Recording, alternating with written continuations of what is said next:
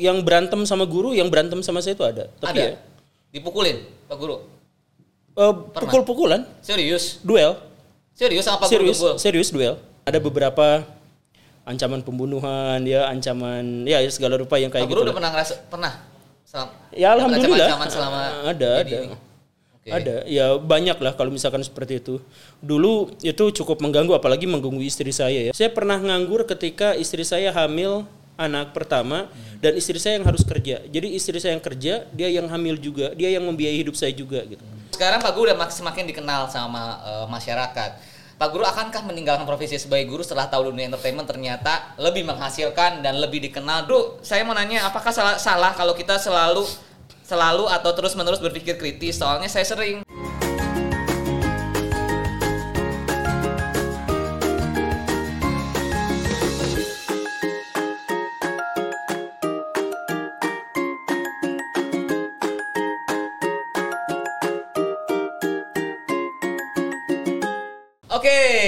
podcast Sibilang Reka ini gue udah kedatangan seseorang guru yang fenomenal banget. Kayaknya cuma satu-satunya deh, youtuber guru di Indonesia yang sekarang sedang diperbincangkan di dunia entertainment. Pak Guru Gembul. Saya kaget sih satu-satunya tuh. Iya nggak sih? Kayaknya aku tahunya kayaknya youtuber guru cuma Pak Guru Gembul deh.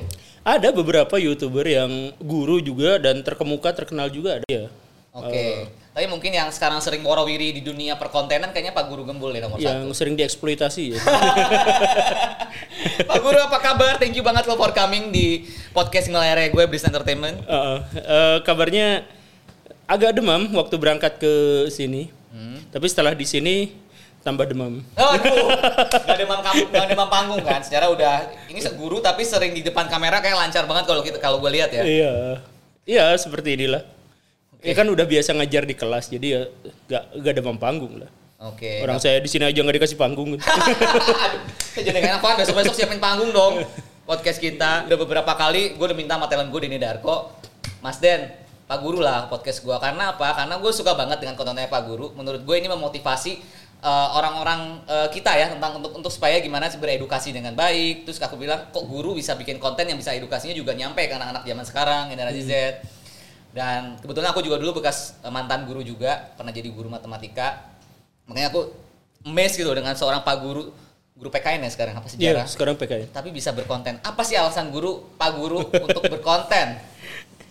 Nggak, jadi saya tuh dulu men-challenge diri saya sendiri dan men-challenge anak-anak. Jadi saya bilang tuh, pikiran saya tuh gini, sistem pendidikan kita tuh nggak baik. Saya masuk ke dalam gagasan pendidikan ini, maka mungkin aja saya akan terseret, atau saya yang balik nyeret mereka itu. Kan gitu. Nah, karena itu salah satu di antara sekian banyak yang menurut saya bermasalah itu adalah bahwa pelajaran-pelajaran di sekolah itu nggak relevan. Salah satu yang saya pikirkan pada waktu itu. Nah, karena tidak relevan, sedangkan jadi gini, anak-anak itu sekolah hari ini untuk menggapai masa depan. Tapi anak-anak sekolah hari ini dikasih buku dari masa lalu. Oke. Jadi nggak relevan, nggak nyambung ke depan apa gitu. Nah karena itu maka saya tuh bikin eh, ke anak-anak tuh, bikin pertanyaan yang nggak bisa saya jawab. Pokoknya ajuin pertanyaan yang paling relevan buat masa depan kalian. Tanyakan yang paling bikin kalian penasaran. Tanyakan kali, ah, tentang sesuatu yang kalian itu gak bisa nemukannya jawabannya di mana pun. Saya bilang gitu. Kita diskusikan di kelas. Seru tuh. Ternyata eh, bergulir dan ternyata ya seru banyak pertanyaan-pertanyaan yang aneh yang itu relevan buat masa depan tetapi memang tidak diajarkan di sekolah karena sekolah itu kalau guru nerangin guru ngajarin ya yang ada di buku ini saya nggak mau itu kan buku tahun berapa coba dibuatnya terus kalau misalkan kita tahu itu kita juga nggak ada nggak dapat faedahnya gitu jadi kalau misalkan sistem peredaran darah ikan seperti ini gitu, kan saya nggak jadi dokter ikan ke depannya. Seandainya saya dokter hewan juga nggak akan beda ikan. Jadi sedikit sekali relevansinya. Sedangkan misalkan materi-materi yang kita butuhkan ke depan tentang bagaimana mandiri secara finansial nggak diajarin. Ekonomi sih belajar, tapi gimana caranya mandiri secara finansial nggak diajarin. Gimana caranya ngatur uang? Atau misalkan biologi, gimana caranya biar nggak kena ob- eh, obesitas, nggak kena diabetes. kan itu itu yang relevan buat kehidupan kita sehari-hari gitu. Tapi kenapa nggak diajarin kayak gitu? gitu. Makanya silahkan ajukan pertanyaan yang kayak gimana pun, nanti saya jawab. Kayak nanti kita diskusikan sama-sama. Nah, ternyata itu seneng anak-anak dan memang mereka punya pertanyaan yang aneh-aneh gitu. Nah, karena gak muat di pelajaran, walaupun udah ngabisin dua jam pelajaran atau empat jam pelajaran tanpa materi dari buku, masih juga kurang karena anak-anak sekarang tuh kritis sebenarnya. Anak-anak tuh kalau misalkan mau dieksplor pengetahuan mereka itu bener-bener bisa ini gitu, bisa meledak gitu. Karena banyak yang terkungkung. Nah, ya udah saya bikin channel YouTube sekalian untuk me, apa ya em, untuk me- menjadi kompensasi atas keresahan-keresahan hati saya gitu. Oke. Gitulah ceritanya. Luar biasa. Kalau aku lihat eh, channel guru Pak Guru Gembel ini udah bikin dari sekitar 3 4 tahun yang lalu ya. Dari 2019. 2019 berarti sama kayak channel kita ya. Iya. Iya, sudah menghasilkan sekarang Pak Guru. Oh sudah. sudah menghasilkan. Gimana rasanya berkonten sekarang? Ya kemarin-kemarin seneng tapi sekarang lagi adaptasi. Karena sekarang selain konten juga eh, banyak yang maksa saya untuk datang ke tempatnya ya kayak gini gitu. Saya jadi nggak enak, udah maksa dua bulan lalu. Yang- oh iya ya udah dua bulan. Iya. ya benar ya maksudnya. Jadi saya sekarang harus benar-benar eh, bagi waktu lah untuk bisa. Jadi saya tetap eh, bagian terbesar dari hidup saya ya buat keluarga gitu. Terus buat kerja ngajar di sekolah masih konten iya, terus undangan begini juga iya ha- hampir tiap hari atau ya sehari beberapa berapa kali gitu. Nah itu harus bener-bener di. Nah sekarang lagi proses adaptasi sih. Oke. Tapi guru-guru di sekolahnya Pak Guru gimana? Sekarang pasti kan Pak Guru nih kayaknya bisa dibilang mungkin kalau kita di sekolah bintang sekolah. Kalau ini bintang guru sekolah mungkin ya. Bener nggak? Gimana di sekolah ya Pak Ya Guru? enggak saya berusaha netral aja. Saya kan nggak pakai ini kan. Jadi Oke. saya menggunakan Coba boleh dibuka nggak buat di sini? Nggak boleh ya? nggak boleh. Oh, ini jadi ciri khasnya Pak Guru. Iya. Oke. Kalau ini boleh shred gitu. Nanti dibuka ini Jangan. shred gitu. Langsung di sini ada tulisan gitu. Naruto.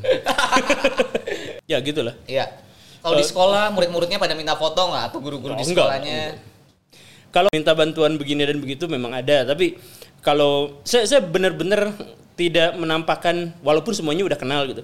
Tapi saya berusaha menjalani status saya sebagai guru biasa aja di sana gitu. Oke. Jadi eh, pernah besoknya ke Kementerian Pendidikan Nasional untuk berbicara kurikulum merdeka. Nah, beberapa waktu sebelumnya diajarin sama guru pengawas bagaimana cara kurikulum merdeka yang beda jauh itu. Oke. jadi jadi apaan ini saya diajarin kayak gini ini salah ini karena saya udah ngobrol sama ke kementeriannya nggak kayak gini gitu. Tapi simpen dalam hati aja saya di situ sebagai guru menempatkan posisi aja. Oke. Jadi nggak Oke. Pak Guru udah jadi guru udah berapa lama? 2008 Dari 2008. saya Jadi- sebelum lulus kuliah udah jadi guru. Kenapa Pak Guru pengen jadi seorang guru? saya pengen jadi prinsip saya itu adalah bahwa eh, hidup kita itu kan berhutang. Jadi karena kita adalah makhluk hidup, nah ini harusnya obrolan sama Pak Rio Hasan itu. Karena karena kita itu adalah makhluk hidup, maka kita tuh meniscayakan kematian pihak lain untuk membuat kita bertahan hidup. Jadi kalau kita hidup, kita harus ngebunuh. Ya ayam apa gitu kan. Nah, jadi sebenarnya secara substansial kehidupan kita tuh berhutang Oke. kepada pihak yang lain. Nah, jadi saya tuh pengen agar hidup saya tuh bukan hanya lunas utang, tapi hidup saya tuh membawa membawa jejak yang bisa diberi yang menjadi manfaat buat sebanyak mungkin makhluk setelah saya meninggal gitu. Oke. Jadi saya tuh nggak mau hidupnya hidup, bangun, tidur, terus mati, ditangisin berapa orang, udah selesai gak gak. Itu saya punya beban yang besar em, karena saya telah dipercayai oleh Tuhan untuk hidup gitu. Jadi, nah gimana caranya? Ya dulu, dulu sih saya pengen jadi bagian dari pemerintahan. Karena dari situ maka kesempatan saya untuk bisa mengambil kebijakan-kebijakan yang berdampak secara publik itu memang di situ ranahnya di di pemerintahan itu. Tapi karena dulu gak eh, orang tua saya belum memiliki em, ekonomi yang baik, finansial yang baik. Jadi saya cari aja universitas atau eh, sekolah tinggi atau yang semacam itu yang paling murah gitu. Nah terus saya cari-cari di antara itu siapa yang ke depannya tetap bisa memberikan saya kesempatan untuk meninggalkan jejak baik buat dunia gitu, buat kemanusiaan, buat eh, alam, buat negara, buat agama, buat masyarakat, buat semuanya. Nah gimana? Nah kalau tidak di pemerintahan jejak itu berarti yang paling mungkin itu adalah di keguruan di mana saya berinteraksi dengan orang-orang yang akan berjuang di masa depan. Ya, saya titipin jejak-jejak gagasan, ide, pikiran saya itu ke situ. gitu. Oke. So far selama Pak Guru Gemel menjadi guru, udah berapa sekolah yang pernah Pak Guru ajarin? Katanya Pak Guru dulu pernah ngajar di sekolah Kristen juga pernah, di sekolah Islam juga pernah. Iya. Iya, terus kan kata mulut Pak Guru katanya sekolah Kristen lebih baik ya. Ya, untuk untuk untuk untuk akademis ya. Oke. Untuk finansial enggak. Loh, bukannya justru paling lebih gede? Apanya? Kalau sekolah Kristen kan secara finansial lebih oke dong. Iya, iya maksudnya mem- membebani kepada siswa kan siswa-siswa kita itu jadi pendidikan itu dari tidak menjadi bisa gitu kan. Oke. Misalkan dari tidak mampu menjadi mampu. Nah, kalau misalkan SPP-nya udah mahal, dari mampu menjadi lebih mampu kan itu sebenarnya esensi pendidikan di situnya berkurang. Iya. Nilai esensi pendidikan di situnya berkurang gitu. Karena yang seharusnya itu adalah dari anak yang gak punya penghasilan, dari orang tua yang gak punya penghasilan sehingga menghasilkan anak yang memiliki penghasilan luar biasa gitu. Tapi kalau sekolah sejak awalnya sudah sangat mahal, berarti dari anak yang berkemampuan secara finansial menjadi lebih berkemampuan atau sama berkemampuan secara finansial. Berarti dalam hal itu stuck kan? Dalam hal itu nggak ini gitu. Ya bukan berarti itu lebih jelek, cuman karakteristiknya aja yang berbeda gitu. Tapi saya udah ngajar di macam-macam, saya pesantren pernah. Di eh, sekolah Islam, di sekolah Kristen, di sekolah Chinese, Buddhis yang kayak gitu. Udah, udah, udah semua. Semua keagamaan Pak Guru udah pernah ngajar di situ ya? Ya.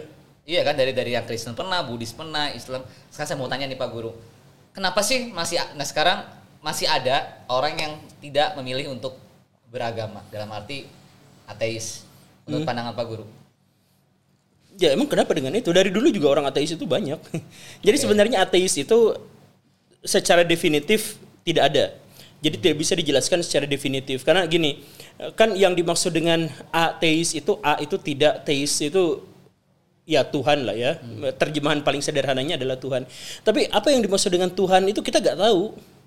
Jadi nanya ke Islam konsepnya begini, nanya ke Kristen konsepnya begini, nanya ke Hindu, mau nanya ke Buddha, nanya ke Bahais, nanya ke agama-agama lokal di Nusantara dan sebagainya itu gak gak mereka itu tidak memiliki pemahaman yang sama.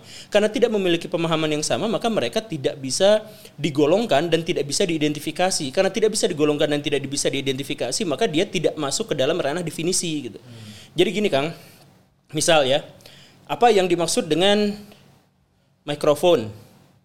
mikrofon itu kita masuk golongannya apa? Ini secara definisi kita kita main logika yang paling dasar gitu. Nah, mikrofon itu adalah alat eh, elektronik itu alat golongannya adalah alat elektronik. Apa yang membuatnya berbeda? Golongannya dia tuh apa? Identitasnya tuh apa? Yang mengeraskan suara begini begitu begini. Jadi dia bisa didefinisikan karena golongannya termasuk adalah alat elektronik dan bisa digolongkan dia itu pengeras suara. Sudah selesai. Nah, kalau Tuhan, apa yang dimaksud dengan Tuhan? Tuhan adalah gak, gak ada dia termasuk golongan apa tuh enggak gitu. Jadi kalau manusia humanoid misalkan sama seperti jadi tergabung dalam super family ada pongo, ada gorila, ada apa, ya itu bisa digolongkan. Terus identiknya perbeda perbedaannya dengan gorila apa bisa dijelaskan. Nah, Tuhan masuk golongan apa kan nggak bisa. Itu konsepsi yang sangat subjektif gitu. Konsepsinya aja subjektif apalagi kalau misalkan. Nah, kalau misalkan Tuhannya tidak bisa terjelaskan, bagaimana mungkin kita bisa menolaknya? Jadi ateis itu secara definitif tidak bisa kecuali ateis yang subjektif. Jadi kalau misalkan saya ngaku ateis karena saya tidak percaya ada sesuatu yang mengatur alam semesta secara supranatural. Misalkan kalau seperti itu, itu definitif buat dia itu bisa. Tapi definisi yang lain lagi, kata Buddhis, ya emang kami juga menganggap Tuhan tidak seperti itu, tapi kan kami tetap beragama, tetap bertuhan. Ya. Walaupun definisinya begitu. Jadi ya karena karena kita tidak mungkin bisa mendefinisikan tentang Tuhan, maka kita tidak mungkin bisa men- mengingkari Tuhan itu. Nah, kan saya akan menghindari anjing. Anjing itu apa? Ya nggak tahu. Pokoknya saya menghindari anjing gitu. Jadi pas digigit anjing pun, wah saya tetap belum menem- menemukan anjing kan nggak bisa gitu kan? Jadi eh, se- secara prinsip, secara definisi general kita tidak bisa menjadi ateis. Begitulah. Tapi kalau misalkan ada orang yang saya tidak percaya atas hal-hal yang supranatural dan sebagainya, ya itu silahkan. Ayo kita berdialektika kalau misalkan mau gitu. Kalau enggak ya juga nggak apa-apa karena itu kan keputusan-keputusan pribadi kan. Iya, iya, iya. Karena kan sampai sekarang bisa dibilang oh, agama yang diakui ada 5 sama 6 kali ya sekarang ya. Karena Ya, di Indonesia. Di Indonesia. Tapi kayak kita kalau melihat kayak di masyarakat kayaknya kalau kita nyebut agama kita ateis kayaknya masih dianggap sebelah mata. Iya nggak sih menurut Pak Guru gimana? Ya ba- banyak yang pada akhirnya seperti bukan sebelah mata malah dilihat dari empat mata sekaligus. Iya. Jadi justru malah kalau agamanya apa Kristen oh, Iya. agamanya apa Hindu oh, tapi kalau ateis Ah, malah iya jadi kan? empat ya. Iya. Iya, iya. Ya tapi ya itu sebenarnya adalah urusan pribadi masing-masing gitu ya, penilaian masing-masing karena memang setiap orang juga punya pandangan yang masing-masing gitu. Cuman kalau misalkan mau mendemonstrasikan idenya tentang kenapa saya ateis dalam tanda kutip kenapa saya beragama dan sebagainya, mungkin itu bisa memberikan eh, pencerahan atau em, apa ya diskusi bahan diskusi bahan wacana kepada orang lain mungkin kita bisa berbagi pengetahuan berbagi kesadaran dari itu gitu ya agak jadi masalah sih Oke. saya se- eh? Oke, lanjut. Apa Oh udah. Oke, Pak Guru. eh, tadi aku ada pertanyaan dari teman-teman aku. Jadi kata teman aku bilang, tolong tanya Pak Guru. Pak Guru itu kalau kita lihat di semua kontennya, rata-rata Pak Guru semua pengetahuannya tahu. Mau tentang pengetahuan masa lalu, masa depan, agama, semua tahu. Pak Guru itu emang karena tahu itu semua karena hobi baca buku katanya sejak kecil atau apa? Atau dari mana Pak Guru? Kalau kayak aku kan aku jujur ya aku kayak kalau matematika sama itu aku ya aku paham kan aku dulu jurusan sarjana matematika tapi kalau tanya tentang sejarah geografi aku nggak bisa kalau lihat pak guru semua tahu Enggak, em, gini nih, pengetahuan kita itu sebenarnya berlandaskan kepada emosi dan nafsu kita. Pada pada emosi, maka kecerdasan yang utama itu adalah kecerdasan emosional, bukan kecerdasan intelektual. Jadi gini, em, saya ingin cerdas secara, saya ingin pintar dalam sejarah misalkan. Bagaimana caranya saya agar pintar dalam sejarah? Adalah belajar sejarah saya belajar sejarah. Siapa orang yang mau untuk belajar sejarah? Mau tidak mau itu adalah urusan emosi, bukan urusan intelektual.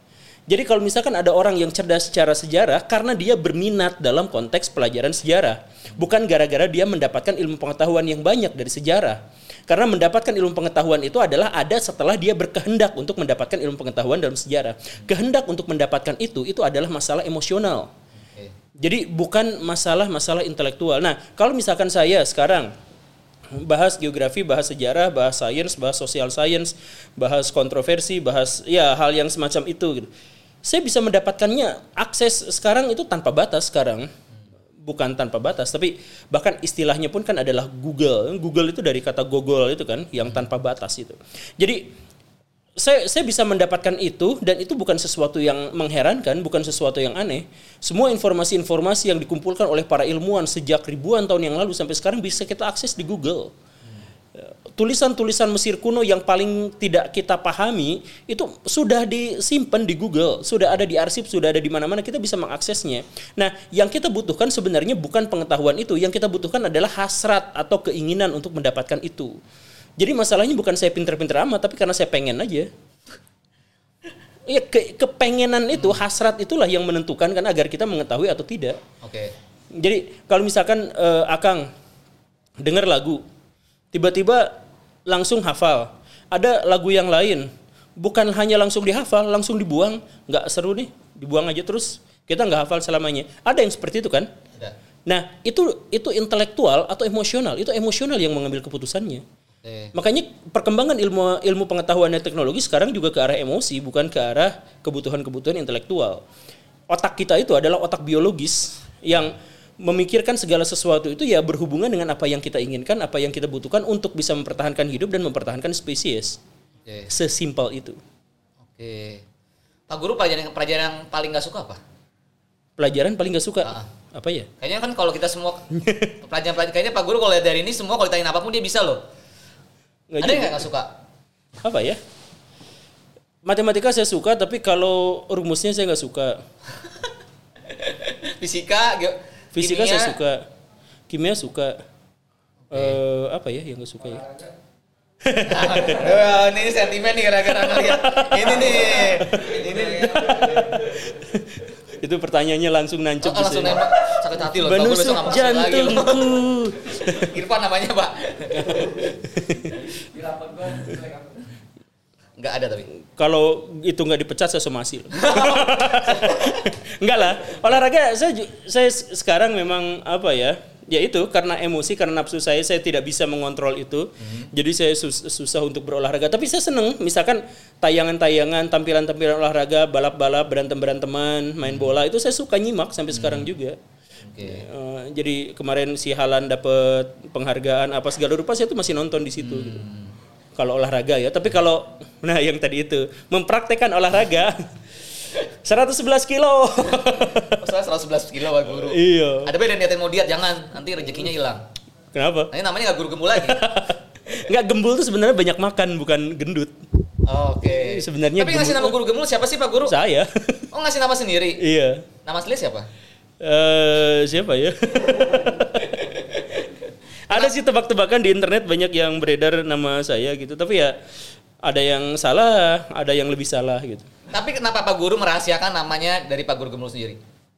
Saya pengen hidup normal sih prinsipnya mah. Jadi em, saya tahu bahwa bukan tahu, saya memprediksi dulu bahwa apa yang saya sampaikan itu akan dikenal orang. Jadi waktu viewer saya itu masih 100 sehari, kan dulu tuh targetnya 100 sehari. 100 aja. Ser- jadi dulu 100 waktu ribu saya- apa 100. Oke. Jadi target ngobrol sama istri. Sekarang-sekarang bikin video tuh 1 jam 20 viewersnya itu udah bagus sehari 100. Oke. Itu target. Nah, tapi kita tuh eh, bagaimanapun percaya bahwa di masa depan saya tuh pasti dikenal. Saya tuh pasti dan dan ketika saya dikenal saya nggak mau star syndrome, nggak mau akhirnya semuanya berubah, nggak mau jadi sombong-sombongan jauh sama teman-teman dan sebagainya gitu. Jadi makanya saya gunakan identitas ini untuk alter ego gitu. Jadi ketika saya di sini saya dengan status dan peran sebagai begini dan ketika saya di rumah biasa aja ya seperti itu. Ini juga alasan lain selain eh, soal keamanan gitu. Kan ada beberapa ancaman pembunuhan ya, ancaman ya segala rupa yang kayak Pak gitu. Guru lah. udah pernah ngerasa pernah? Selam- Ya alhamdulillah. ancaman selama ada jadi ada. ini? Oke. Ada, ya banyak lah kalau misalkan seperti itu. Dulu itu cukup mengganggu, apalagi mengganggu istri saya ya, karena istri saya yang megang, jadi sempat juga takut. Tapi sekarang kan dikasih ke manajer, jadi manajernya aja yang dihujat. Oke. Saya nggak ngerasa apa-apa gitu, dia aja yang dapat. Nanti pasti nama podcast tadi oke. Podcast sekarang di belakang layar. Kenapa akhirnya Pak Guru memilih untuk menjadi eh, menghadirkan seorang manajer untuk eh, karirnya seorang Pak Guru Gembul? Di ini disaranin sama Pak Deddy Kobisa. Jadi Jadi, uh, Corbusier. Ya itu. jadi kopi. Nah, Orang Sunda tuh susah ngeja Prancis gitu. yang katanya diundang sama Pak Guru sampai satu setengah tahun ya, Mas Deddy Corbusier ya? Ya karena saya nggak ngerti ini, nggak ngerti medsos gitu. Jadi saya nggak ngerti medsos dan nggak punya medsos dipegangnya sama orang lain. Saya nggak ngerti, nggak bisa ngontrol, nggak bisa apa-apa. Eh, Kadang kalau misalkan di eh, di komentar YouTube juga yang ngebales bukan istri eh bukan saya tapi istri saya ya dulu ya ya pernah seperti itu. Karena saya tuh nggak ngerti hal-hal medsos itu tuh benar-benar nggak paham gitu. Nah jadi ya apa tadi pertanyaannya? Oh iya, mutusin Pak Deddy. eh, manajer. Ini ada manajer sih. Oh, iya, boleh iya. frame nggak? Oh nggak boleh katanya. Oh, Rahasia boleh. soalnya. Oke. Oh iya. Ya, manajer saya Cina. Sama saya. Oh, iya. Iya gitu. Ya dulu sama Pak Dedi eh, ya akhirnya setelah jadi dulu tuh saya em, ketemu sama Pak Denny diajak terus ngobrol Denny Darko. Denny Darko. Jangan saya itu. Iya itu. Terus saya tuh disuruh pansos, saya nggak ngerti pansos gimana. Terus dulu tuh pas ada pesulap merah yang lagi rame-ramenya lagi berantem sama Gus Samsudin. Iya. Pulang sini juga nih dia. Nah, ya udah suruh pansos ke situ. Ya udah itu langsung viewers naik. Gak lama kemudian terus sama Pak Dini Darko cek itu media sosial. Pas dicek ternyata ada Pak Deddy Kobusier satu setengah tahun yang lalu. Aduh, keringetan. Dan pas ketemu sama Pak Deddy terus sama Pak Deddy ya bagaimanapun nggak bisa senaif sebelumnya lah. Sekarang kehidupannya udah, udah berbeda. Eh, saya nggak bisa terus-terusan menjadi seperti ini. Jadi tolong cari aja ini manajer nomor kontak kasihin ke dia apa kasihin ke dia biar bisa hidup secara lebih normal gitu. Jadi beban-beban sebagai orang yang dikenal itu kasihin aja ke orang yang rela berkorban untuk itu. Nah, saya bisa fokus ke konten. Nah, disaranin begitu ya awalnya saya tuh nolak, dah. Saya tuh pengen tetap naif gitu. Pengen tetap saya saya gini lah gak, tapi ternyata kan nggak nggak mungkin Handle semua. nggak nggak mungkin nggak mungkin ke handle semua apalagi situ pikunnya luar biasa jadi akhirnya ada orang yang bersedia mengorbankan waktunya untuk saya itu saya sebenarnya sangat terharu gitu cuman karena orangnya ada di depan saya jadi saya ah nggak butuh banget sih sama dia gitu pura-pura aja gitu ya gitulah Tapi ceritanya ngerasa eh, Pak Guru dengan sekarang bisa disebut bisa dibilang sekarang statusnya mas ada ke- masuk ke kalangan selebritas dong dengan adanya seorang manajer. Kalau nggak kalau nggak kayak saya mau nanya sama Pak Guru. Menurut Pak Guru selebritas menurut menurut Pak Guru itu seperti apa? Ya, secara harafiah selebritas itu adalah orang yang suka berselebrasi.